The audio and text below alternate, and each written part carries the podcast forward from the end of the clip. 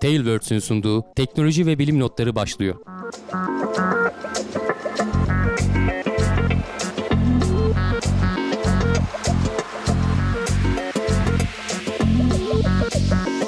Teknoloji ve bilim notlarına hoş geldiniz. Ben Canak Bulut. Yanımda Hamdi Kellecioğlu ile beraber bir kez daha karşınızdayız. Bu seneki 34. E, notumuz. Evet, sene sonuna doğru ilerliyoruz. Yarıyı geçtik. Yarıyı geçtik. Bundan sonrası daha kolay mı geliyor artık? Daha hızlı mı Yapacağım, geliyor? Aynı, değişmiyor bir şeyler. Bunun da hiç geyiği olmuyor. Neyse efendim. e, bizim için aslında bir hayli heyecanla beklediğimiz bir yayın saatiydi. Zira önemli gelişmeler bekledik. Canlı yayınlar vardı. Hani e, parmak ısırtan gelişmeler oldu olacak derken bir Olamadı. Ha, e, hüsrana dönüştü. Hindistan'dan bahsediyoruz. Hindistan'ın aya araç indirme e, görevinden bahsediyoruz. E, canlı yayını seyrederken bir anda e, hepimiz Biz, biz ne sessiz zaman- soluksuz yani kaldık. En az 3-4 bölümde bunu konuştuk. İşte fırlatıldı, işte şu tarihte yerine varacak. İşte Bir 5 yör- bölüm daha ekmeğini girdi. yerdik. Şöyle yürüdü şöyle yani, şey aldı yani. tabii. Ee, işte yörüngeye girdi falan. İşte Eylül'ün başında da iniş deneyecekler demiştik. İşte 6 Eylül'de e, ya da 7 Eylül'de tam şimdi net zamanını hatırlamıyorum.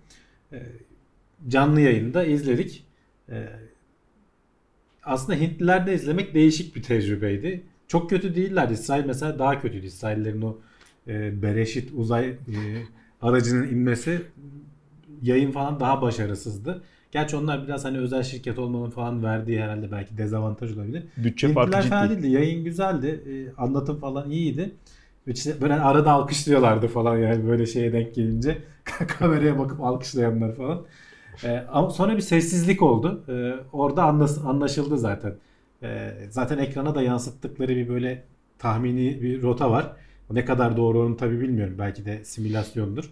Veya aldıkları datayı gerçekten yansıtıyorlarsa. Orada böyle bir rotadan sapmaya başladı. Sonra da durdu orada zaten. Hmm. Belli ki orada e, bağlantı koptu.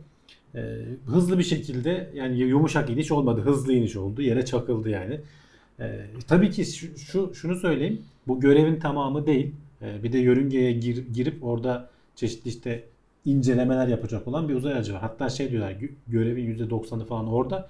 Sadece yüzeye Ama iniş. Şov Ee, kısmı o yüzeye Tabii inişti. işte bunu yapabilen dördüncü ülke olmak Hı hı. istiyorlardı. İşte İsrail'i pas geçti. O başarısızlıkla sonuçlandı.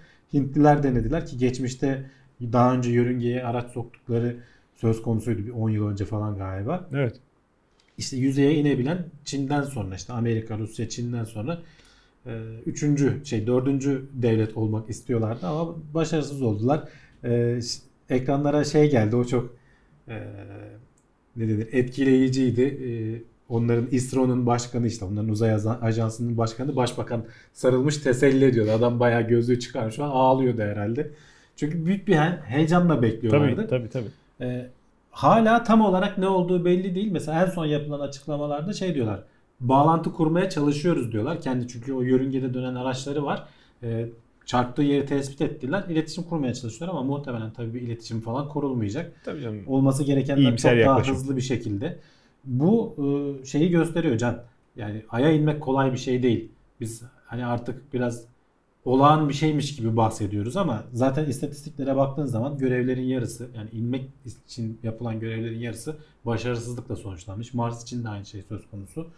Ee, dünyadan kalkıp da oralara gitmek falan bile başlı başına zaten bir beceri. Hani Hintliler bunu çoktan başardılar hem de çok çok daha az maliyetli. 140 milyon dolara falan Evet, maliyettiler. evet zaten asıl Ee, önemli olan ve her şeyi buydu. roketi vesairesi falan tasarımları kendilerine ait. Tabi orada biraz e, işin içine politika falan da giriyor. E, bu Asya tarafında özellikle bir uzay yarışı söz konusu. Hı hı. İşte Çin var. Hint ve Çin birbirlerine rakipler. Bir yandan işte eskiden beri uzayda varlığı olan Japonya var.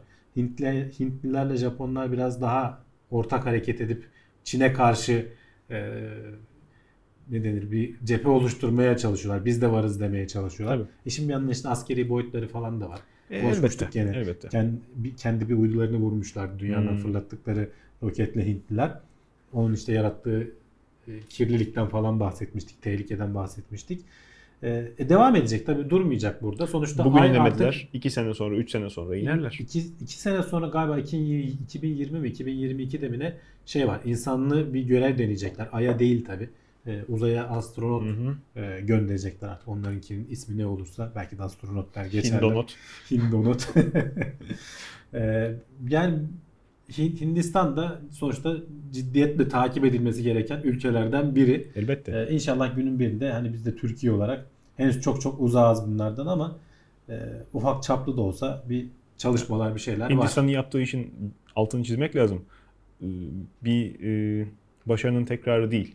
Adamlar daha düşük maliyette, çok daha düşük maliyetle ve gayet istikrarlı, başarılı şekilde e, görevi tekrarlayabildiler. Özgün teknolojileri bunu yapabildiler. Bu Evet. gerçekten dediğin gibi hani burada kullanılan zaten e, ay görevini anlattığımız bölümde de e, şeyde bahsetmiştik. E, roketin asıl mimarisi 2. Cihan Harbi'ne dayanıyor Hmm. asıl mimari temelleri. Ee, o orada edilen teknolojiler. Canım Amerika için de. Ve Amerika sonuçta 50 yıl önce yaptı. Deli gibi para akıttı falan bu işe. Şimdi özgün teknolojiyle kendi izledikleri yoldan E Şimdi e, zaten farklı üslupta bir şeyler yaptıklarında Ay'a gitmek istese Amerikalılar gidemiyorlar. Çünkü o teknoloji o kadar değişti ki. değişti tabii. Ee, yeniden o 1960'larda yapılan şeylerin günümüz teknolojisiyle yenilenmesi lazım. Onu da kendileri yapmak istemiyorlar. İşte hep konuşuyoruz. Özel sektöre havale edip verimliliği öyle sağlamak istiyorlar. E, bunda da muhtemelen başarılı olacaklar. Yani yavaş ilerliyorlar ama o eninde sonunda olacaklar. Elbette. Yani işte e, bizim yerimiz neresi burada inşallah biz de bilmiyorum. E, hani başarılı olsun olmasın. E, sonuçta insan canına zarar gelmediği müddetçe geri kalan her şey tecrübe hanesine yazılıyor. Tabii, tabii. E, görevlere ağırlık vermek, Ya insanlı görevler lazım. o yüzden ekstra önlemler alınıyor. Her şey ekstra inceleniyor. Sonuçta burada gittiği zaman işte biraz para kaybetmiş oluyorsun. Hı hı. Robotun başına bir şeyler gelmiş oluyor. Zaman kaybetmiş oluyorsun. Bunlar hep Evet. telafi edilebilecek şeyler ama işte can kaybı e, en azından Batı ülkeleri içindeyim. Hitler'in bu konuya yaklaşımı nasıldır bilmiyoruz ama hani Rusların ve Çinlerin biraz daha rahat olduklarını biliyoruz bu konuda. E, en azından Batı ülkeleri çok dikkat ediyorlar. E, insan canı kaybı olmasın diye. yapılan çalışmaların mükafatı kuşkusuz geliyor. Farklı mecralardan geliyor. Ee, endüstriye katkısı, yeni öğrenilen şeylerin silah sanayi başta olmak üzere e, farklı farklı yerlerden e, faydasını görüyoruz. Görüyorlar e, bu alana yatırım yapanlar. İnşallah biz de istifade ederiz. E, sıradaki notumuz Olay Ufku Teleskobu'nun 3 milyon dolar değerindeki aldığı ödülle alakalı hiçbir şey olmasa yeterince başarılı iş yapıldığında bir yerden onun da mükafatı gelmiş oluyor. E, breakthrough ödülleri deniyor buna. E, hani bilimin Nobel'i Uzay Oscar'ı şey, diyecektim ben Oscar'ı de. gibi Nobel ödüllerinden biraz farklı, Farklı. çünkü onlar biraz daha temel bilimlere veriliyor. Böyle e, mühendislik projelerine pek şey alamıyorsun veya onunla bağlantılı bilimsel araştırma varsa onlar alıyorlar vesaire ama e, veya orada sonuçta yılda bir kere veriliyor. Orada fırsat bulamayanlar e, bu breakthrough ödüllerinde e, şanslarını deniyorlar diyeyim. Gerçi buna gidip de hani başvurmuyorsun ama onlar sana veriliyor. Zaten büyük bir şey, bütün dünyayı etkileyecek ciddi bir şey yaptığın zaman bu olay uf- ufku teleskobunda olduğu gibi.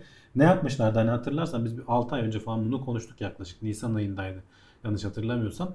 Kara deliğin ilk fotoğrafı. Evet. Ee, kara deliklerden hep bahsediyoruz. Gerçi gene fotoğrafını çekememiştik. Etrafındaki diskin fotoğrafını çekebilmiştik. Çünkü kara deliğin fotoğrafı olmuyor. Onda Işık millet sigara izmariti. Yani izleyemiyorsun. gibi bir şey dedi. Bunun için miydi bu kadar tantana? ha, evet yani şey kahve lekesi gibi yani böyle İşte. E, ortası siyah etrafında böyle biraz e, şey yap. Zaten çok net bir şey de değildi. Hafif böyle bulanık bir şeydi. Ekrana görüntüsü girer. E, ya kara delikler özellikle de bu e, galaksilerin ortalarında merkezinde olanlar devasa büyüklükte oluyorlar. Ama çok uzaktalar ve işte hiç ışık vesaire falan yaymadıkları için gözlemleyemiyorsun. Tabii. E, doğru olanına hedef odaklanıp e, dünyanın çeşitli farklı yerlerindeki teleskoplarla dataları alıp yıllarca bu datalar da o kadar çok büyük yer tutuyor ki e, internetten falan aktaramıyorlar. Bunları hard disklere çekip e, Amerika'daki ve Avrupa'daki merkezlere taşıyorlar. Orada işte çeşitli proseslerden, süreçlerden geçirdikten sonra bu resimler ortaya çıkıyor. Yani hakikaten çok büyük bir e, emek ama işte sonuçta e, bir ortaya bir görüntü vesaire çıkardılar. Şimdi hala da çalışıyor muhtemelen. Belki daha da geliştirip daha net görüntüler, belki daha yakındaki kara delikleri falan e, yapmaya çalışacaklar. E, 3 milyon dolarlık bu proje 3 milyon dolarlık bir ödül aldı. E, 347 bilim adamına dağıtılınca kişi başı 8600 dolar gibi bir şey düşüyor. Hani öyle acayip büyük e, şey olmuyor. Nobel'de hani bazen Tabii. aldığın zaman o işte 2 milyon pound muydu 2 milyon dolar mıydı öyle bir ödül geliyor. Fena değil. Kişi, Emeklilik bir kişi aldığın gibi. zaman veya 2-3 kişi aldığın Tabii. zaman ama e, burada kişi başı 8 bin ama zaten onların derdi de bu şeyi almak değil. Bu ödüller genelde zaten bir hakkın teslimi oluyor yani. Dur bakayım de- 5'i bir yerde altın bu kadar oldu mu? Yok daha ucuz. Bilmiyorum Değil mi? artık o kadar altın fiyatlarını takip etmiyorum yakından. Neyse. Hiç olmazsa Ama- bir ikramdır. Hani bu breakthrough ödüllerini ver, arkasında da işte gene hani bildiğimiz bu Silikon Vadisi'nde falan tanıdık tipler var. Hani işte Larry Page, işte Mark Zuckerberg falan onlar destek oluyorlar da işte bir miktar para ayırıp e, bu tarz en azından bilimin gelişmesine katkı sağlayan insanların Tabii. Bilimsel faaliyetler en nihayetinde geri dönüşü ancak uzun yıllara yayılmış endüstriyel e, kazanımların e, eldesiyle söz konusu olabiliyor. Evet. Böyle pat diye karşılığını almak çok zor. Dolayısıyla günümüz çağında artık bu tip işlere fon ayırmaya çalışan e, yatırımcılar, bu tip işlere e, gönül veren insanlar biraz da kısa yoldan köşe dönme herhalde e, planı, yan yatırımı yapıyorlar.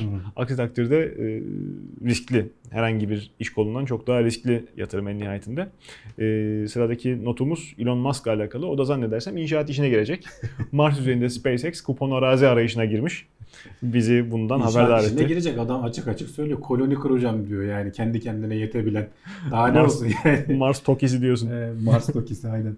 Ee, hep şeyden bahsediyoruz. Her hafta neredeyse bir haber oluyor. Starship'ten bahsediyoruz. İşte geçen hafta Starhopper e, başarılı bir şekilde Hı hı. e, son sıçramasını yaptı demiştik. Bundan sonra Starship'in e, gene prototip Mark 1, Mark 2'ler tasarım aşamasında, işte Tabii. yapım aşamasında onların uçuşlarını göreceğiz falan demiştik.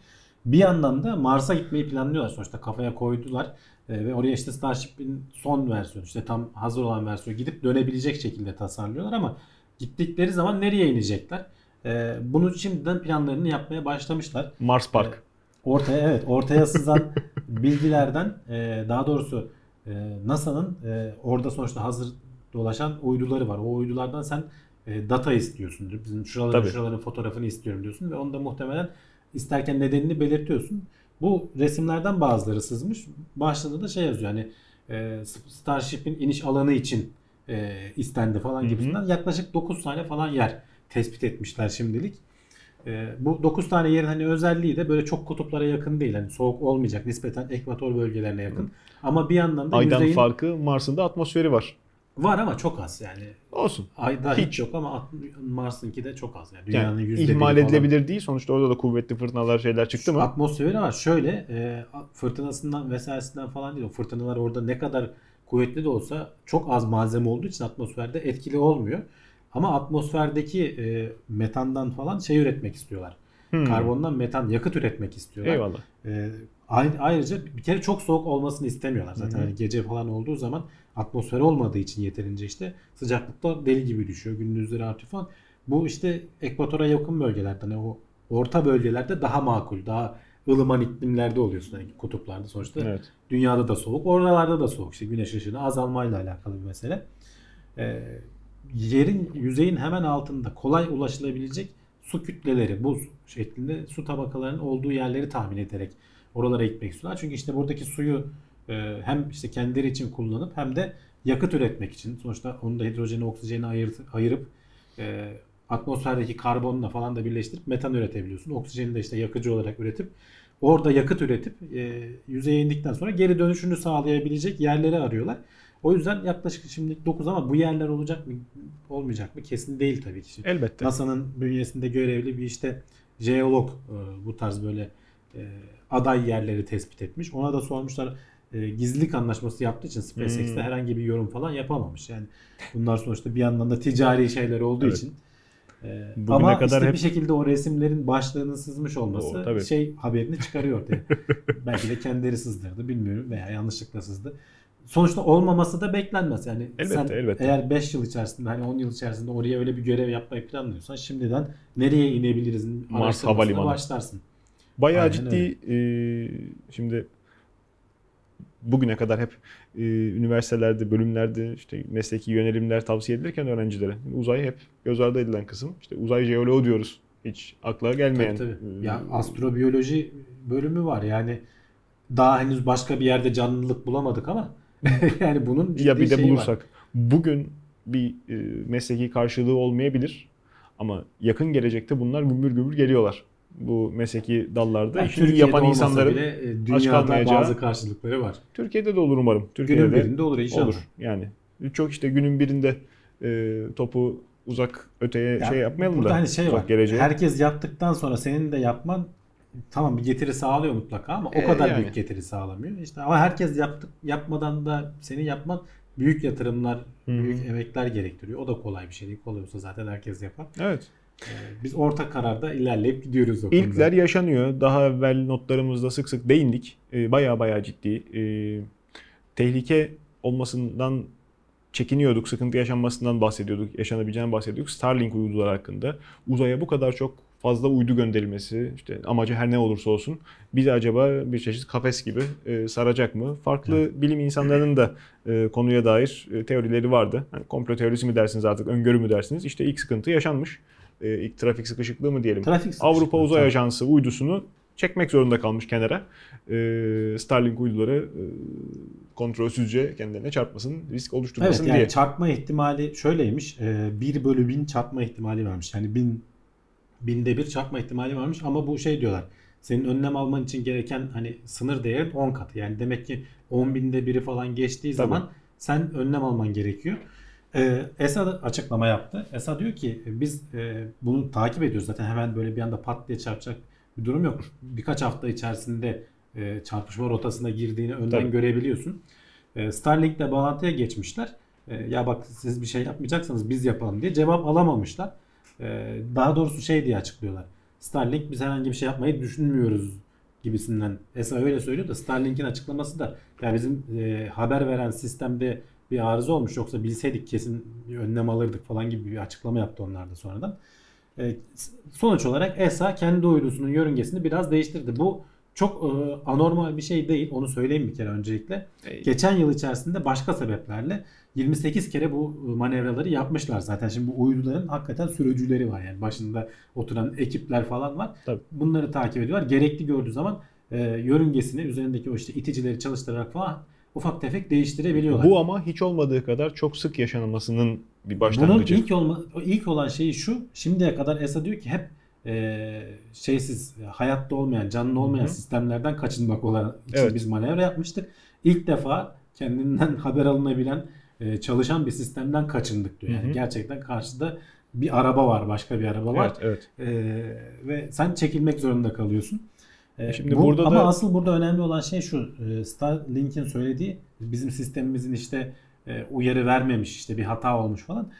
Diyorlar ki ya bu sistemler böyle bir şeyle karşılaştığınız zaman hani çok eski tip mail atıyorsun adamlara. Adamlar senin işte e-mailine cevap verirlerse veya biri orada onu görürse şey yapıyorsun. Şimdi yani az uydu varken bu çalışır ama işte bu dünyadaki şeye de benzemeye başladığı zaman biraz uçak trafiğine falan benzemeye başladığı zaman belli standartların belli kalıpların oturtulması lazım Uzay ki kanunları diyorduk. Uzay trafiği İşte, şart kim kime yani yol verecek. Şöyle düşün şu anda hani hep şu şeyi söylüyoruz. Kabaca rakamları söylersek dünyanın alçak dünya yakın dünya yörüngesinde diyeyim alçak yanlış tabir olur da yakınında dönen 5000 tane cisim var ve bunların 2000 tanesi aktif. Diğerleri yavaş yavaş işte e, yörüngeleri sönmelecek falan Hı hı. yok olacak ama sonuçta bir 3000 tanesi falan aktif değil. Sen bunlardan hep kaçmaya çalışıyorsun. Ama hatırlarsan bak Starlink 12 bin uydudan falan bahsediyoruz ki başka rakipler de gelecek. Onlar da biner biner belki gönderecekler. Ki Starlink daha 50-60 mı ne gönderdi yani hani öyle Tabii canım. yüz sayılara bile Tabii, çıkmadık. tabii. Ee, Starlink 44 diyorlar bu arada uydunun ismini Hmm. de. Ee, sonuçta ondan kaçınmak zorunda kaldık. Artık bu şeyi gösteriyor diyorlar. Bir aynen uçakların bu rotalarını falan vesaire standardını oluşturan bir merkez nasıl varsa Evet. dünyada buna sen uyum sağlamadan uçaklar uluslararası seferlere falan çıkamıyorsa kendi ülke içinden ne yaparsan yap kimse karışmıyor ki bildiğim kadarıyla ama uluslararası bir yerlere gideceksen Kendi ülken içinde de bildiğim kadarıyla uluslararası hava yollarına girmemen lazım. Rotalardan kaçınman e, lazım. tabii işte yani o- onlar hep işte Düşük anlaşmalı. irtifada ne yapıyorsan Ee, yap. Onlar hep anlaşmalı. Çünkü bu şeyi sağlamazsan kaza olur işte. Aynı trafik kuralları Herkes gibi hiç- kaybeder. Hiçbir farkı yok yani sokaktaki. Bunlar demek ki önümüzdeki günlerde, Evet. yıllarda ol- oluşturulması Benim gerekecek. Starlink 44'ün bilmem kaç yüz bin dolar değerinde. Çok da e, umurumda değil yani deyip birkaç milyon dolarlık uyduya çarpsa tabii. olur çarpmasa olur diye e, Ya öyle yapamazsın bilmiyorum. tabii muhtemelen. İşte bunu İşte binlerce olduğu zaman bunlar yaşlandığında artık iyice görev süresi eskidiğinde yani O kadar da Ama onlara mesela e, Starlink'in açıklaması şey biz bunun üzerinde hani yaşlandığı zaman dünyaya inmesini sağlayacak daha ömrünün sonuna gelmeden hani bağlantıyı Evet. kaybetmeden ki bir de yakınlar çok uzak değiller. Hani iki yıl içinde falan bunlar dünyaya atmosfere şu da girecek aklıma şekilde. geliyor. Bu saatten sonra potansiyel e, manevra ihtimalini çok daha yüksek mi hesaplamak gerekecek acaba? Uyduların üzerine o iticilerin de Muhtemelen. yakıt rezervi Burada var en nihayetinde. Ben hatırlıyorum. O rezervlerin falan daha çok koyulması veya işte dolayısıyla işte fırlatma maliyetlerinin artması falan her şey anlamına geliyor bu. Evet. Daha çok belki personelin takip etmesi, daha dikkatli olması falan gibi. Hı hı.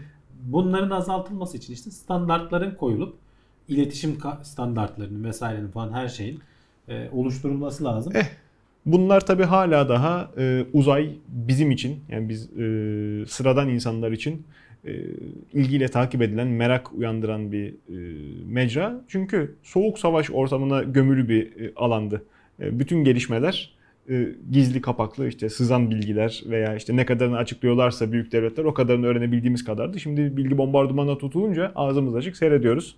E, film seyreder gibi geçmiş yıllarda işte artık nakledilen e, hikayeler baya baya ciddi gerginliklerin yaşandığı iki büyük kutup arasında. Evet. Casus uyduları düşürmek üzere yörüngeye e, nükleer bomba fırlatmak mı dersin? E, birbirinden habersiz işte e, uyduları keşif uçağıyla gözlemlemeye çalışmak mı dersin? Fantastik hikayeler. Bugün artık e, ayyuka çıkmış vaziyette. İşte her şey insanlığın ortak bekası için e, firmalar açık açık zaten reklam e, kampanyası gibi. Firmalar öyle ama çalışmalarını devletler yürütüyor. sonuçta hala gizli çalışmalar yapıyorlar işte. Evet bu da bizi zannetti- zannettiriyor ki e, artık her şey açık seçik. Değil tabii Hiçbir şey gizli değil. Öyle değil. İşte Trump'ın en son attığı bir tweette e, bir Amerikan casus uydusu e, varlığını biz de öğrenmiş Evet, olduk. e, bir casus uydunun çektiği fotoğrafı attı Trump. E, İran'da e, fırlatma rampasında patlayan bir aracın e, görüntüleri ama çok net. Yani çok ayrıntılı fotoğraflar. Zaten Evet. bunu görenlerin bu konuda uzman olanların falan söylediği de yani bu bir uydudan çekilmiş olamaz. Muhtemelen işte Uçak da olabilir. e, drone falan dediler ama e, uydu olduğunu iddia ediliyor. E, ve astronomlar, e, amatör astronomlar e, bu çekilen fotoğraftaki gölgelerin açısına vesairesine bakarak saati tahmin etmişler. O saatte de o bölgedeki zaten rampa falan belli. E, o rampanın üzerinden geçmekte olan uydu var mı ona bakmışlar. Gerçekten de Amerika'nın USA 224 diye açıklanmayan gizli bir uydusunun, casus uydusu. Şimdi uyduların biliyorsun sonuçta orada dolaşıyor bir şeyler. Tabii. Fırlatıldığı zamanlar vesaireler falan belli bu işin merakları. Ama ayrıntılarını bilmiyorsun. İşte Trump burada bilmiyorum bilerek veya bilmeyerek. Böyle bir Trump'ın- şey kazara olmaz ya. Yani ya danışılmadan. olabilir çünkü şey bak paylaşılan resmin tam ortasında şey var. Ee, bir ışık parlaması var. Belli ki buna bir briefing verilmiş. O da briefingde fotoğrafı böyle çat çekmiş tweet'e atmış. Şimdi Obama'nın falan zamanlarını hatırlarsan diyordu ki bana telefon vermiyorlar tweet atabileceğim falan yasak diyorlardı Hmm. ama Trump bunların hepsini yıktı. Sabah akşam garip grup tweetler atıyor biliyorsunuz bize de bazen Evet. herkesi bir tehdit ediyor. Sonra anlaştık falan diyor süper ülke falan diyor. Bir, Yani bir- işte yani ne olduğunu kimse anlamıyor. biraz daha bunu yiyip da telefonu açık unutmazsa falan. İşte bunu Sonumuz muhtemelen hani bu istihbarat yetkilileri şeyi açıkça görmüş oldu şimdi dünya. Eskiden de bunu biliyorduk, tahmin ediyorduk muhtemelen ama e, bunu hiçbir zaman devletler kabul etmez. Sen de hiçbir zaman emin olamazsın yeteneklerini, bu istihbari E, gözlem yeteneklerini. E şimdi Trump'ın eliyle sen Amerikan başkanının eliyle kabak gibi ortaya şey yaptın ki hani oradan bir de hesaplama yapmışlar. E, piksel başına 10 santimetre gibi bir çözünürlükten bahsediliyor ki çok e, hassas bir şey hakikaten. Yani işte yüz Ee, tanımaya ramak kala. Ve tahminler de gerçi uydunun da mesela bu uydudan da galiba 15 tane falan varmış. E, kabaca şeyler biliniyor. E, şey çapı, e, ayna çapı 2.4 metre. Geçen hafta konuşmuştuk hatırlarsan. Hubble'ın da o kadar. Yani adamlar Hubble'ın kadar aynası olan bir şeyi uzaya çevirmek yerine Ne dünyayı dünyaya çevirmişler. Bütün ayrıntılarıyla e, ve bunlardan 10-15 tane var diyorlar. Hı hı. Ee, ya tabii işte dediğim gibi belki başka istihbarat kurumları bunları zaten takip ediyordur, kabaca biliyordur. Ee, ama ortalığa dökülmüş olması şey. Bunu normal bir vatandaş yapsa bunlar dediğim gibi gizli bilgiler e, başına bela gelir. Geçmişte böyle şeyler yaşanmış. Ama Amerikan başkanlarının bu tarz bilgileri ifşa etme hakkı var. Evet, Ee, açık evet. etme hakkı var. O yüzden Trump'a kimse bir şey Ben diyemedi. hala daha bunun belki kaza en fazla sinirlenmişler. adamın mizacı her ne kadar böyle e, agresif veya ne bileyim e, plansız hareketler gibi gözükse de ben bunun kaza olduğunu doğrusu düşünmüyorum. Vallahi Ee, ben yani Trump böyle bir gücümüz- söz konusu olunca emin olamıyorum. Böyle bir gücümüz var. Hani ayağınızı denk alın gibisinden bir hatırlatma babında da değerlendirilebilir Vallahi belki.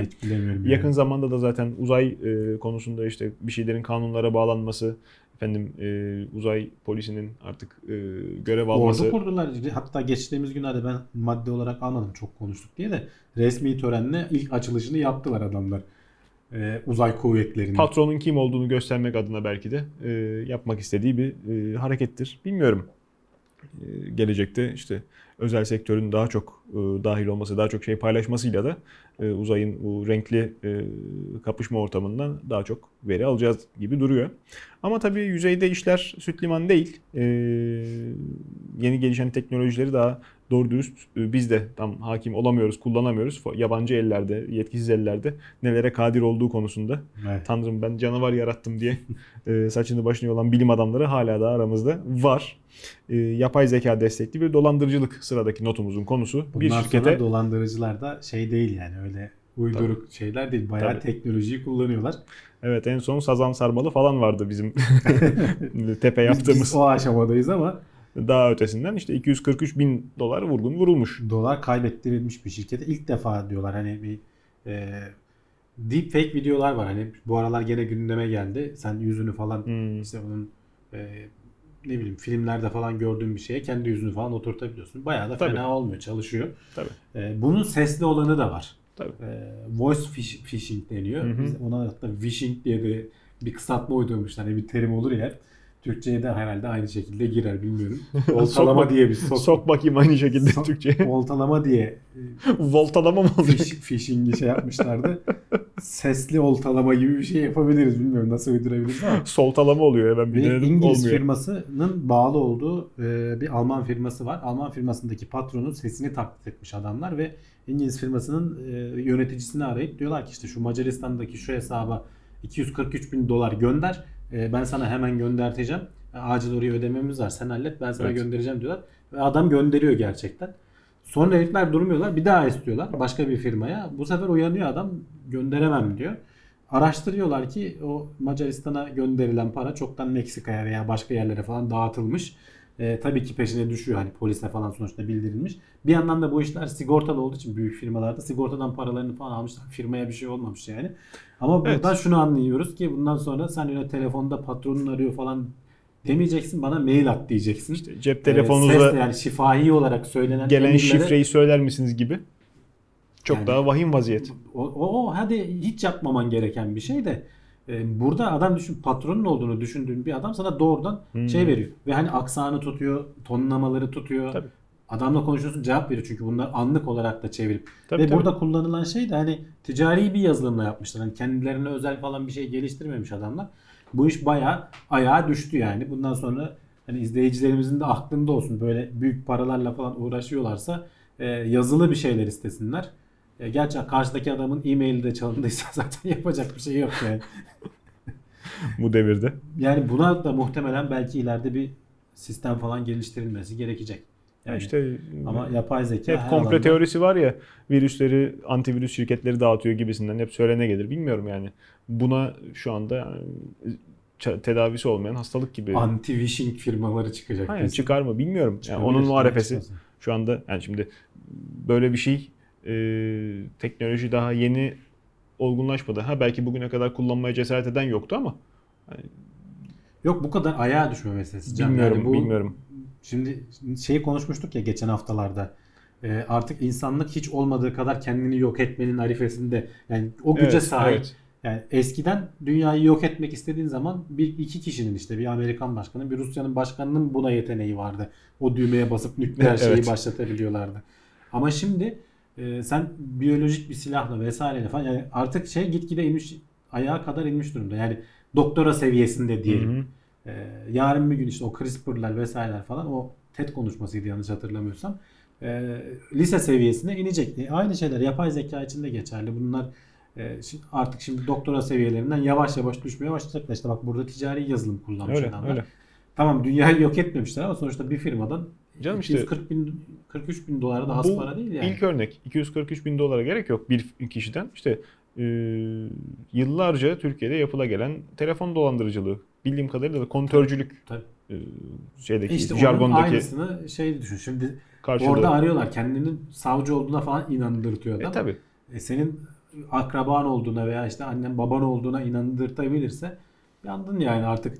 E öyle. Zaten şey var. istatistikler falan da yayınlamış. Bir İsrailli bu güvenlik firması e, son bir önceki yıla göre %350 arttı diyorlar.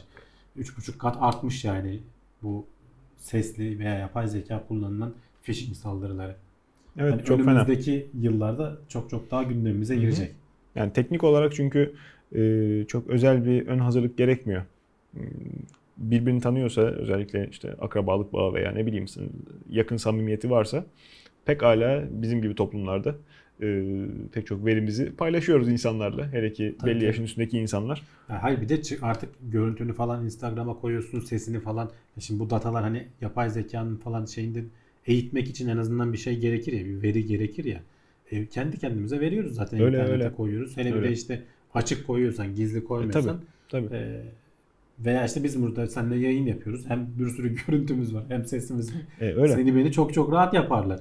Canım biz de varız. Şimdi biz hiç olmazsa e, hani yaşımızı başımızı almış insanız. Çoluk çocuk e, YouTube'da yayın yapmaya çalışıyor. Onların verileri de e, Tabii. bir şekilde işin içine giriyor. Yani bunlar ciddi manada sıkıntılar. E, İnzivaya mı çekileceğiz? Ne yapacağız? E, O da ol- çözüm değil ki yani. olmayacağı belli. O Evet. yüzden e, tedirgin bekleyişim sürüyor benim açıkçası. E, bu teknolojiden çünkü hani e, potansiyel olarak baya baya ciddi e, şey var. Baya baya ciddi buradan e, kaldırılacak e, mal var.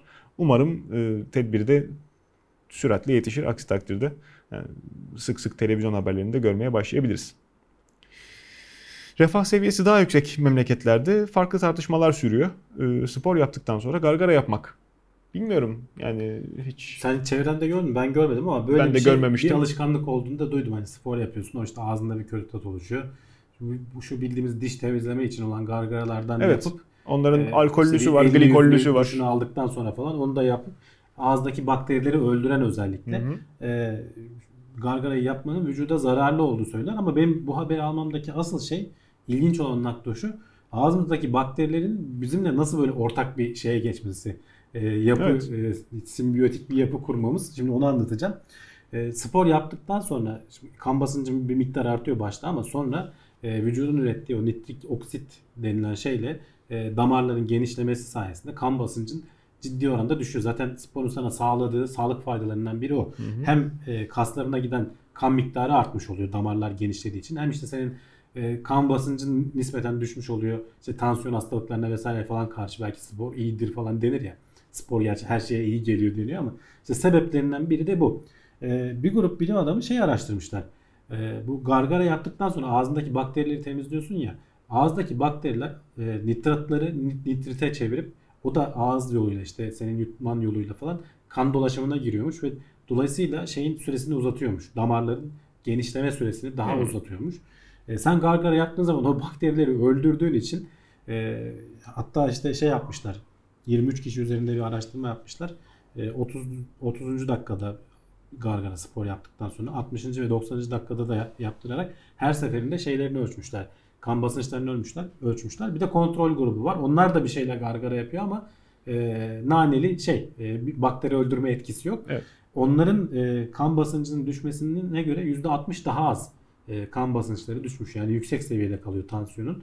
E, dolayısıyla yani ağzındaki bakterinin bak seninle ne kadar uyumlu bir şekilde senin sağlığına faydalı olabilecek e, bir sonuç doğurması benim asıl ilgimi çekti bu Evet, haberde. evet. Tansiyon seviyesi hiç aklımıza gelmezdi. Yani ve onun ağzındaki bakterinin buna bir faydasının olduğu. Hı hı. Hani sporun faydası var ama ağzında da e, o nitriti üretecek bakteri olması lazım ki e, senin vücudun zaten üretiyor ama onun etkisinin devamını sağlıyor işte sonraki 2 saat boyunca falan. E, ne yapacağız? basıncı- Dişlerimizi fırçalamayalım mı spor yaptıktan sonra? Duş alıp Yani- tazelenince. Ya bilmiyorum diş fırçalamanın hani şey antibakteriyel bir etkisi var mı doğrudan Bildiğim ama kadarıyla o da var. e, işte yani mümkünse spordan hemen sonra yapma. Birkaç saat sonra veya işte sabah ve akşam yapıyorsan spordan sonra yapmak zorunda değilsin. Evet. Eğer evet. gargara yapıyorsan hani ağzındaki tat kötü falan diyorsan tavsiye edilmiyor öyle değil. Yorgunluk kahvesi de o zaman. Ya Kahvede- canım Kahvede de- sıcak, Bilmiyorum. Sıcaktan bir şey olmaz yani. Sıcak içmeyiniz diyorlar ya bilim adamları hep. Canım, Sıcakta O mikrop kadar- öldürür canım. Sen içebileceğin kadar sıcaksa mikroba bir şey olmaz zaten. Baş mikrop o sensin kadar diyorsun. sıcak içiyorsan sen de boğazı yakarsın. Bilemedim. Versiyonları vardır. Üretilebilir ama e, modern tıpla işte basma kalıp öğretilerin farkı da biraz bu belki Hamdi abi.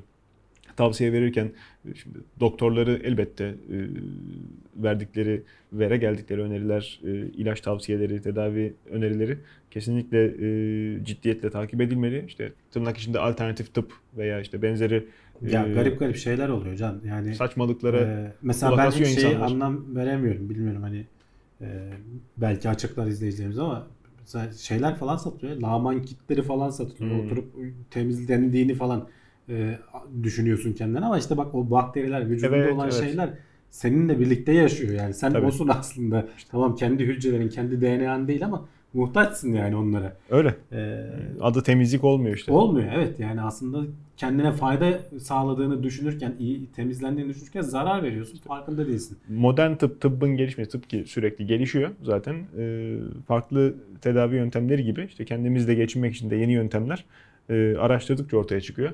E, bu bağı bu bağıntıyı araştırmasalar buna fon bütçe ayrılmasa herhalde biraz zor öğrenirdik. Ama tabii orada devasa da bir ne denir? Pazar var yani işte o detoks pazarı işte bir diyet Canım, pazarı öyle. var zaten. İster istemez buraya birilerinin mutlaka Hmm. ağzı sulanıyor buradan para kazanırız diye. Öyle öyle. Bilip bilmeden iyi veya kötü niyetli paldır küldür şey yapıyor. İyi niyet suistimali. hiç yani çok anlamı olmayan şeylerden biri de bu işte şeyciler, aktarlar falan. Garip garip bir ton şey satılıyor. Ama bunların hiçbirinin gerçekten işe yarayıp yaramadığını bilmiyoruz. Belki zararlı değildir, bazıları da zararlıdır. Ama sen işte abuk subuk otları bir şeyleri karıştırıyorsun, kendince içiyorsun. Rahmetli Levent Kırca'nın Aldığın- konuyla alakalı skeçleri vardı da şimdi. Tabii. aldığın o işte madde ne kadar gerçekten bunlar hiç ölçülmüyor, tartılmıyor, biçilmiyor. Yani bu bilimsel bir yöntem değil sonuçta. değil ilaçların da içinde bu etken madde var diyor. O etken madde işte insana zarar vermeyecek hale getirilene kadar adam orada milyonlarca dolar harcıyor. Ee, yaptığı testlerle 10 yıllar boyu tabii uğraştıktan işte, sonra tabii. piyasaya çıkartıyor. Sen bana iyi geldi sana da iyi gelir diye tavsiye ettiğin anda karşıdaki adamı zehirliyor bile olabiliyorsun. Aktar olarak, esnaf olarak. Aynen. O yüzden e, Ama bunlara dediğim gibi dikkat edilmesi lazım. pazar olduğu için En çok e, insanların, bunu defaatle konuştuk zaten, en çok insanların e, bu sağlık, şimdi zayıflama falan bir tarafa, hakikaten tıbbın da şu anki e, teknolojiyle pek bir şey yapamadığı hastalıklar var. Hı. E, çok ilerlemiş, e, geç müdahale e, edilebilmiş e, durumlar var. İşte bu noktada doktor hani biraz da moral olsun diye siz deneyin bir şeyler diyebiliyor. Ki Canım, bu noktada zaten hani son noktalara falan geldiysen her şeyi dene yani kaybedecek İşte bir şey yok orada ki. kayış kopuyor. Ne tavsiyeler, ne ilaçlar. Ee, insanların yani muhtaç olduğunu gördükleri andan itibaren Evet. gerçekten e, bunun ciddi bir şeyi var. İşte uzak doğudan da haberleri geliyor zaman zaman masum hayvanları e, boynuzu için, kılı tüyü için öldürüyorlar. Evet. E, ilaç yapıyorlar. Etkileri enteresan işte çoğunlukla e, ümitsiz kalınan bir şeyler. İşte doğurganlık efendime söyleyeyim. Cinsel bir takım beklentilerin e, daha iyi olması. Uzak Doğu'da bunun baya baya şeyi var yani piyasası var. Türkiye'de de vardır elbette. Var, var. Hatta var ama e, daha işte gizli kapaklı sümen altından yürüyor. E, bilmiyorum onun sonucu mu bu tip çalışmaların getirisi mi ya da kendileri müstesna bir genetiğe mi sahip? Bir hanımefendi Hindistan'da 74 yaşında doğum yapmış. Hem de ikiz doğurmuş. Eh işte hamilelik yine 9 ay sürdüğünü 74 can. Yani, öngörürsek evet. yani şu anda dünya rekoru olmuş oluyor galiba. Ya tabii bu sonuçta aslında tıbbın gelişmesinin gösterdiği bir şey. Çünkü tabii ki doğal yollardan değil bu doğum. Ee, tüp bebek yöntemiyle. İkiz Hatta olduğundan da. kendisi çoktan e, menopoza girdiği için kendi Hı hı. yumurtasını bile değil e, bir tane donör bulunmuş. Ondan yumurta almış. Eşinin eşi de 84 yaşında, 82 yaşında. Onun spermleriyle döllenmiş ve taşıyıcı olarak e, kendisine koyulmuş. Yani menopozu menopoza menopozu yaşadıktan sonra e, yumurtaların işe yaramaz hale geliyor anladığım kadarıyla ama rahim çalışıyor herhalde. Bildiğim kadarıyla şekilde ki yumurta kalmıyor vücutta. kalmıyor evet yani, yani şeyler zaten menopoz onun sonucunda geliyor galiba da. bunun devamında da vücutta bir sürü hormonal değişim oluyor. Evet. Kadın e, ama bir vücudu şekilde yeniden demek ki tanımlanıyor. bunların hepsi hassas bir şekilde idare ettirilip Ya artık Ee, cinsiyet doğal- değiştirme operasyonları değil, bile sezaryenle almışlar. tabii Ama sonuçta iki tane bebek e, yaşı gereği muhtemelen şeyi kaldıramayabilir e, diye düşünmüşlerdir. Normal olabilir doğumun stresini. de kaldıramaz. Yani insanları ameliyat sezaryen de etmiyorlar kolay bir 70 yaşında diye. Ameliyat değil tabii. 73 hani 73 ya da 74 yaşında zaten tam yaşı net belli değilmiş. Evet.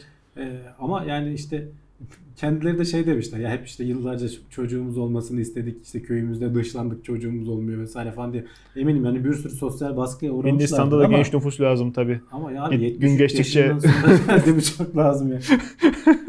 hayır, hayır o çocuklar ne olacak? Şimdi bunun bir de etik kısmı var. Öyle öyle. Ee, belli bir yaştan sonra şimdi artık teknoloji bu noktaya geldi. Belli ki buna sahip olabileceğiz yani artık eskiden normal doğ- doğal yollarla bu arada hani İngiltere'de bir kadın var 59 yaşında doğum yapmış. Hani kayıtlara geçmiş en yaşlı anne diyebileceğimiz. E şimdi o rekoru bayağı 74 yaşına kadar taşımış oldular.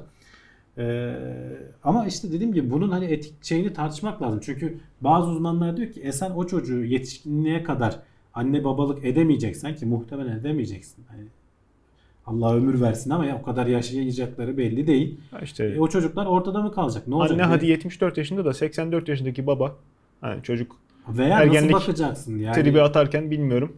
E, kafası şişecek mi? Cevap yani verebilecek mi? Umarım hani verir tabii. çocuğu dünyaya getirmek değil mesela. Onun bakımını sağlayıp yetişkinliğe ulaştırmak. Yani Bunun da haberini yaptık daha evvel ya. Yani gün geçtikçe insanların ömrü uzuyor. Bu alana doğru yatırımlar yapılması da tavsiye Ya edilmişti bir tabii TED ki. konuşmasında. Ha, bu- belki bu bir gövde gösterisi gibi hani ilerleyen yaşlara belki. Ya şey olarak gövde gösterisi. Hani ben de doktor olsam bilimsel araştırma mahiyetinde bunu bu böyle bir işin peşinde uğraşırdım. 70 Ama işte- tabu.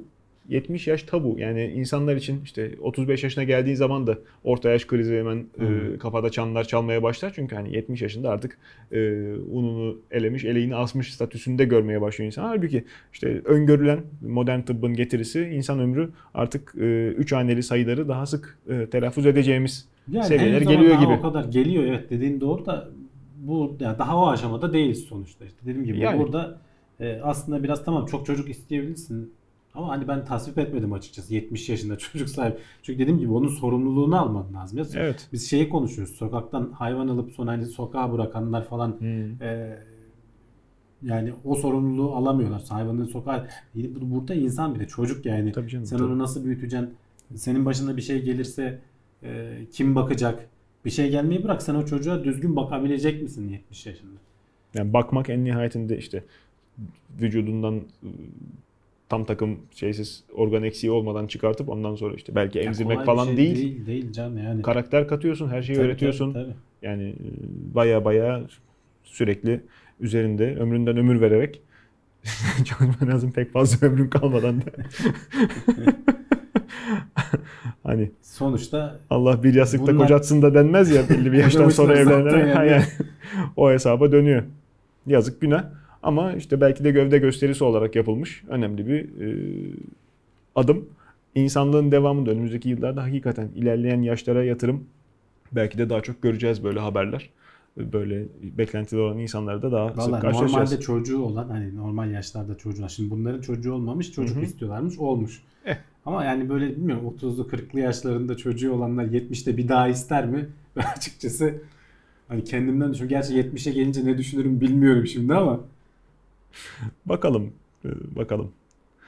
O zamana kadar şimdi sen konuşuyorsun. Senin 70'e gelmene de abi e, nereden baksan ya tabii Bir 30 30 sene var yani ciddi- 35 sene.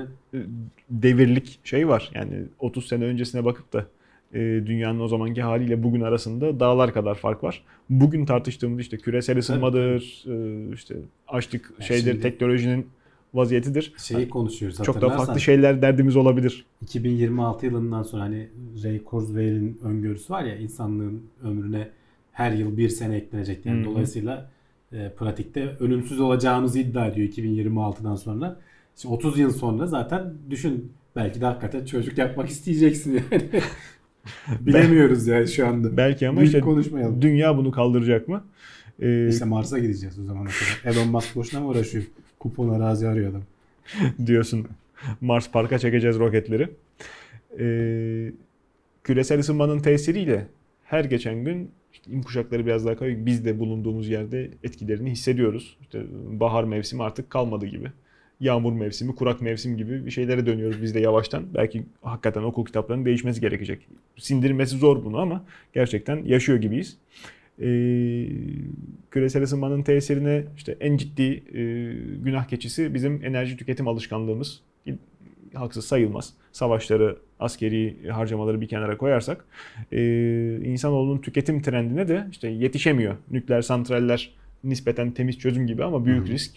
E, ben ilkokul, ortaokul yıllarımdayken o zamanki e, ders kitapları, müfredat e, en temiz enerji kaynağı olarak hidroelektrik santrali yazıyordu. Mukayese ettiği şeyde termik santraller olduğu için. E, tabii. Eh, e, cahil kafayla biz de inana gelmişiz. Ta ki büyüyüp işin aslında öğrenince sular altında kalan e, kısmın ne kadar ciddi bir kayıp O olduğunu sular görünce. altında kalan kısım ve orada biriken işte bitkilerin vesaire falan çürümesiyle deli gibi metan oluşumuna da neden oluyormuş ki Evet. geçen hafta falan konuşmuştuk metan karbondioksite göre yüzlerce kat ciddi. falan daha fazla sera gazı etkisi veriyor. Bölgeye özel bitkinin, hayvanın kaybı da zaten O ayrıca ayrı. Evet. büyük sıkıntı. Velhasıl hidroelektrik santraller e, günümüzde artık e, ciddi manada e, çevre düşmanı e, gerçekten. Çevre düşmanı olarak hani o kadar net söylemeyelim bence. O, o- Çin'in en son yaptığı barajlarda ne kadar araziyi şey yaptılar abi. ya yani. o ayrı. Çin Bizim zaten- coğrafyamızda o kadar Çin- yok da. Çin zaten toptan çevre düşmanı. Komple. Adamlar hani yani kendilerini artık etki elma ısırığı için- gibi söküp atsak diyorsun. kendilerini artık etki ettiği için şehirlerde yaşanamaz olduğu için Öyle, öyle. noktasına geldiler yani. Öyle. Ama işte Çin'in de günahı yok. Bütün dünya Çin'e bu görevi kendi eliyle teslim Evet, etti. Adamlar ucuz. Dünyanın Üretim. E, organize sanayi bölgesi gibi çalıştılar. E, 50 yıldan uzun süre neredeyse. Dolayısıyla e, bugün artık bugünün teknolojisinde nispeten çevreci görünen e, sistem güneş paneli ki orada da benim soru işaretim var. Hani konunun uzmanı Onların üretimlerinde falan Ha yani, neler üretme oluyor onlar falan. görevleri Bu bittiği zaman geri dönüştürülebiliyor mu? konusu ilginç. Ee, şey biraz düşünce deneyi gibi yapmışlar aslında. Ee, sadece düşünmekle kalmamışlar tabii. Bunun araştırmasını falan fizibilitesini de biraz yapmışlar.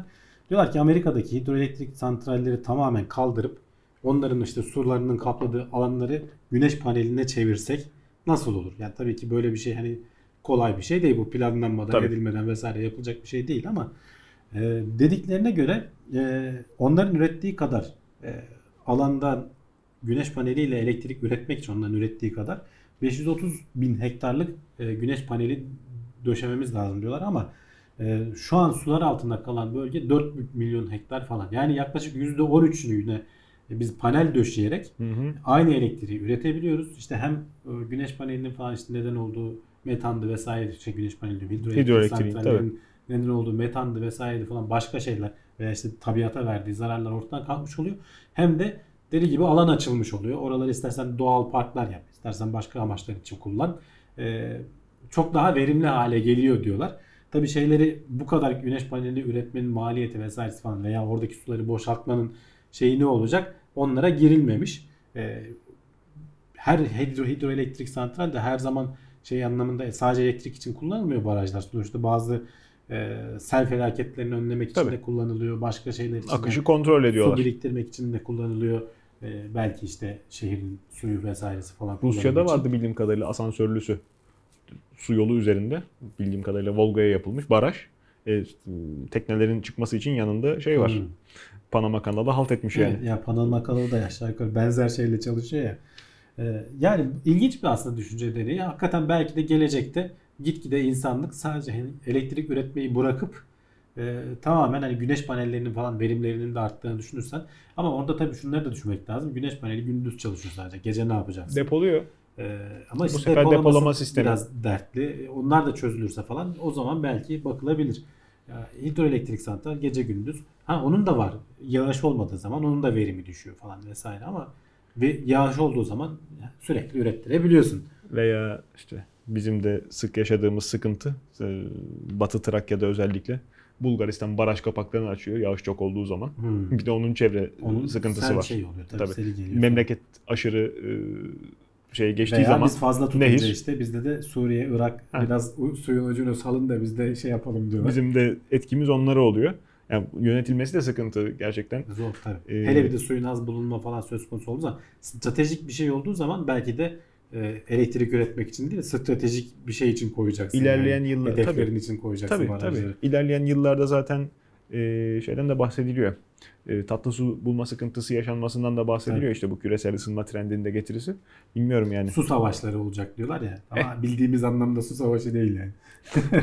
Petrol savaşı gibi su savaşı. evet. Sulu şakalarla değil. Enteresan e, dönemler idrak edeceğiz. Geçmişte de işte Soğuk Savaş'tan bahsettik. Sovyetler Birliği ile Pepsi'nin e, bir masalını bize Evet, anlat da geçen- iyice geçen şenlenelim. Coca-Cola'yla Nazi Almanya'sını anlatmıştık. Evet. Bilmiyorum nasıl denk geldi ama bu sene e, şey, Bu bu, haftada- haftada, e, Sovyetler Birliği ile Pepsi'nin ilginç hikayesine denk geldim. Hakikaten de ilginç can. E, tabii 1950'lerde başlıyor. Sovyetler Birliği ile Amerika işte o zaman işte savaştan galip çıkmış iki güç. Soğuk Savaş'ın tam başlangıç ve orta zamanları diyelim. E, ama karşılıklı hani bir iletişim de var. E, şey yapıyorlar bir fuar düzenliyorlar kültürlerini şey yapmak için. Ruslar gidiyor Amerika'da işte bir kendilerini tanıtıyorlar. Amerikalılar da geliyor Rusya'da kendilerini tanıtıyorlar ama bir yandan da firmalar tabii şeyi kullanmak istiyor. Burada Rus pazarına girmek istiyor. Mesela Pepsi'nin bir yöneticisi var. Ee, o zamanlar tam başkanı değil ama üst düzey yöneticisi. Amerikan başkan yardımcısı Ri- Ri- Richard Nixon da başkan yardımcısı. Hmm. O gitmiş işte temsilen. Sonradan başkan oluyor Tabii. biliyorsun. Ee, ona diyor ki bir gün öncesinde Huruşçev, Huruşçev'in elinde şeyi görmek istiyorum diyor. Pepsi'yi görmek istiyorum. Ben diyor buraya bir sürü yatırım yaptım. Zor ikna ettim bizim patronları. Eğer diyor onun elinde Pepsi bardağını gösterebilirsek acayip güzel olacak diyor. Hakikaten de Nixon bunu başarıyor. Adamı e, şey diye geçiyor hatta tarihte bunun şeyi var. Mutfak tartışmaları diye. E, bir Amerikan mutfağının şeyini yapmışlar oraya. E, benzerini yapmışlar. Prototipin örneğini yapmışlar. İşte bizde insanlar böyle yaşıyor falan filan diye. Fuar yani işte Amerikan yaşam tarzını gösteriyorlar. Onun önünde bir mikrofon falan koyuluyor. Hakikaten Huruşçev ile Nixon şeyi anlatıyor birbirlerine e, işte tartışma oluyor. Yani bir, bir taraf e, komünizmi övüyor. E, bir taraf işte kapitalizmin faydalarından bahsediyor falan filan. Neyse o önemli değil bizim için. E, ama işte o konu Huruşçev'in elinde şey görmeleri e, Pepsi, Pepsi için bardağını. e, büyük avantaj oluyor. Bu adamın da önü açılıyor. 6 sene sonra e, Pepsi'nin başkanı oluyor adam ve adamın he- hedeflediği şey Rus pazarına girmek. 1972 yılında e, ilk defa e, bu adam isteğinde başarılı oluyor ve Rusya'da satılan e, Sovyetler Birliği'nde diyelim satılan ilk e, kapitalist ürün ol- oluyor. Hatta öyle bir anlaşma yapıyor ki 1985 yılına kadar sadece Pepsi'yi sokacaksın diyorlar. Coca-Cola'yı devre dışında tutuyor. Pepsi deli gibi satıyor orada Tabii. Rusya'da. Ama şöyle bir problem var. Ruslar ödeme yapacaklar. Rubleyle ödeseler dünyada satış değeri yok. Yani Evet. e, convertible değil yani Amerikan doları falan gibi değil. Ne yapıyorlar? E, Rusların ünlü bir vodkası vodkası var. Sto, Stolichnaya mı? Öyle bir Hmm. ismi var. Şimdi tam hatırlayamadım.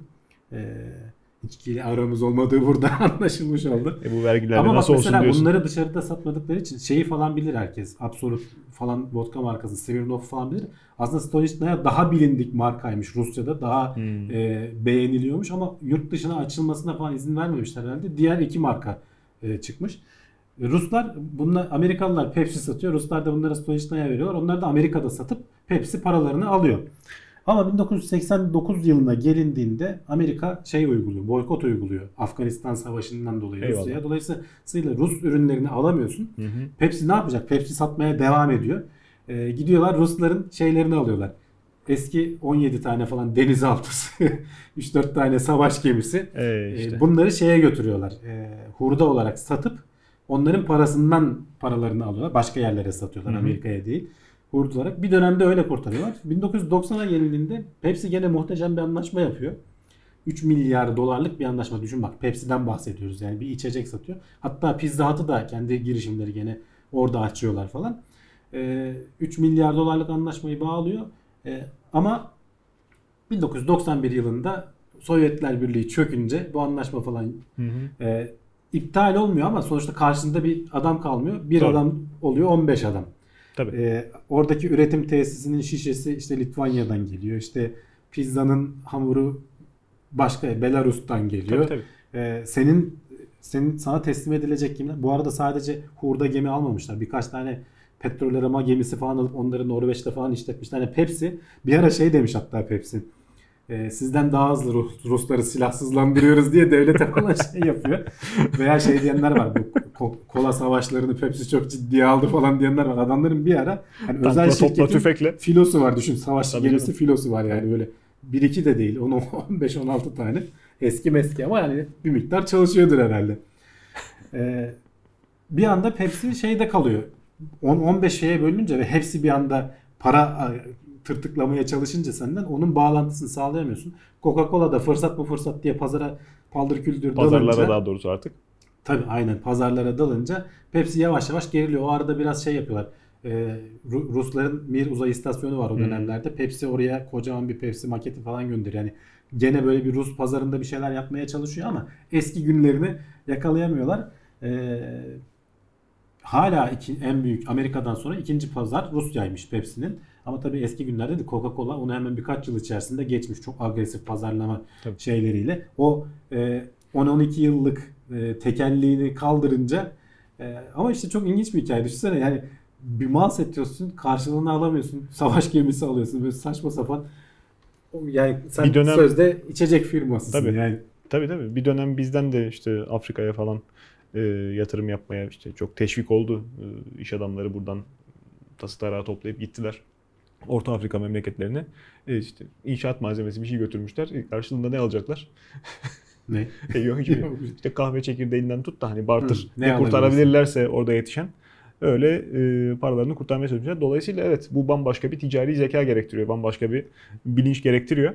Valla adamda ticari zeka varmış. Bir şey Kendall'dı. Ee, şimdi ismini hatırlayamıyorum ama Benzerin- çok da önemli değil. Yani, Benzerini görür müyüz acaba? Hani e, şimdi tabii ki o zaman da artık benz- Bitcoin ben. Dersin. Ha, yok da Rubleyle değil. Yok yok. Sovyetlerin dağılması işte o e, şey sürecinde Rus mafyasının yaptığı işler e, deniz aşırı. Çok malzeme çıktı. Çok e, konu Tabii, oldu. tabii canım. E, acaba benzerini Çin'de görür müyüz? Çin örneğinde görür müyüz? Orada da bildiğim kadarıyla bir takım şeyler dönüyor, söyleniyor. Yani. Ha, söylenti olarak mı kalır, ne olur? Evet, dünya ekonomisine, dünya algısına ki hani e, biz Ama mesela Ruslar Rusya ile yani Sovyetler Birliği ile Çin'i şey yapma dünya çok daha fazla küresel hale geldi. Çin'in elinde bir sürü Amerikan mesela bonusu tabii. vesairesi falan var. Hani parayı da onlar kazanınca Doğru. gidiyorlar oralara falan yatırıyorlar. Hani doğru doğru. Orası göçse bile bir şekilde o bonolar Bu hala çağda artık bir daha benzeri yani. yaşanmaz herhalde. Ee, bilmiyorum hani büyük konuşmamak lazım. Ne Yani. olacağını bilemeyiz ama Yani e, sonuçta geçmişte hakikaten ilginç zamanlar yaşanmış yani o 90'larda öyle öyle. falan. Öyle hakikaten öyle. Ee, içecek firmasının filosu olmuş yani. Adamlar neredeyse savaşa Doğru, girecek kadar gemi doğru. üretmişler. E işte o gemilerden şeylerden de satıldı diyorsun. Bir sürü gelişmemiş memlekette onlarla ordu düzdü. Ya tabii tabii canım. Yani- O Rusya'nın çökmesinden sonra el koyup güzel bir film vardı. Ee, silah tüccarlığıyla falan ilgili. Yani o Hmm. Ukrayna'da falan e, toplanan silahların, tankların vesairesinin falan satılan haddi hesabı yok yani. Rusların zaten en büyük O da yağmalama şey İhracat için kalemi. bir anda. şey dışında nedir? Ee, ne adı? Şey- Doğalgaz, yeraltı kaynağı dışında Kalaşnikov tüfek. Yani aynen öyle. Bütün de, dünyayı e, besliyor adamlar. hani sistem bozulup bir anda herkes ne koparsam kardır moduna geçince Doğru. tekrardan yeniden kontrol kurulup işte o devletler kendi yapılarını falan kurana kadar İşte bamba, arada neler oldu yani. bambaşka bir dinamik. Yani İnsanlık ondan da bir sürü şey öğrendi. Ee, muhtemelen e, benzerini e, bir daha yaşamayız ama belli de olmaz. Yani büyüyor, kontrolsüzce büyüyen Çin gerçeği var. Yani ne olacağı onların da şey Bakalım değişebilir, durumu haftaya değişebilir. Hangi firmayla karşılaşacağız. Hangi firmayla kimin Yani özellikle diyaloğu. ben denk geldim. Bakalım şansımızı e, zorlayalım. Belki bir daha denk gelir. Ötesinde Teknoseyir'i e, ararsanız eğer e, sosyal medya hesaplarımız Twitter, Facebook ve Instagram olarak mevcut. Bir fevkaladelik olduğunda oradan duyurmaya çalışıyoruz. Onun dışında her hafta çarşamba akşamı değil aslında salı akşamı e, Teknoseyir sitesi üzerinden yayına giriyor bu program. E, Plus üyeleri bir gün önce izliyorlar. Hem Plus de üyeler. destek olmuş oluyorlar. hem destek oluyorlar hem de işte e, bu sayede bu tarz programlar ömrünü devam ettirebiliyor. Eh öyle. Sorularınız şeyleriniz olursa da oradan daha e, kolay size ulaşabiliriz YouTube yorumlarından ziyade. E, efendim takipte kalın. Esen kalın. İyi seyirler şimdiden. E, ilerleyen programlarda karşınızda olmak dileğiyle.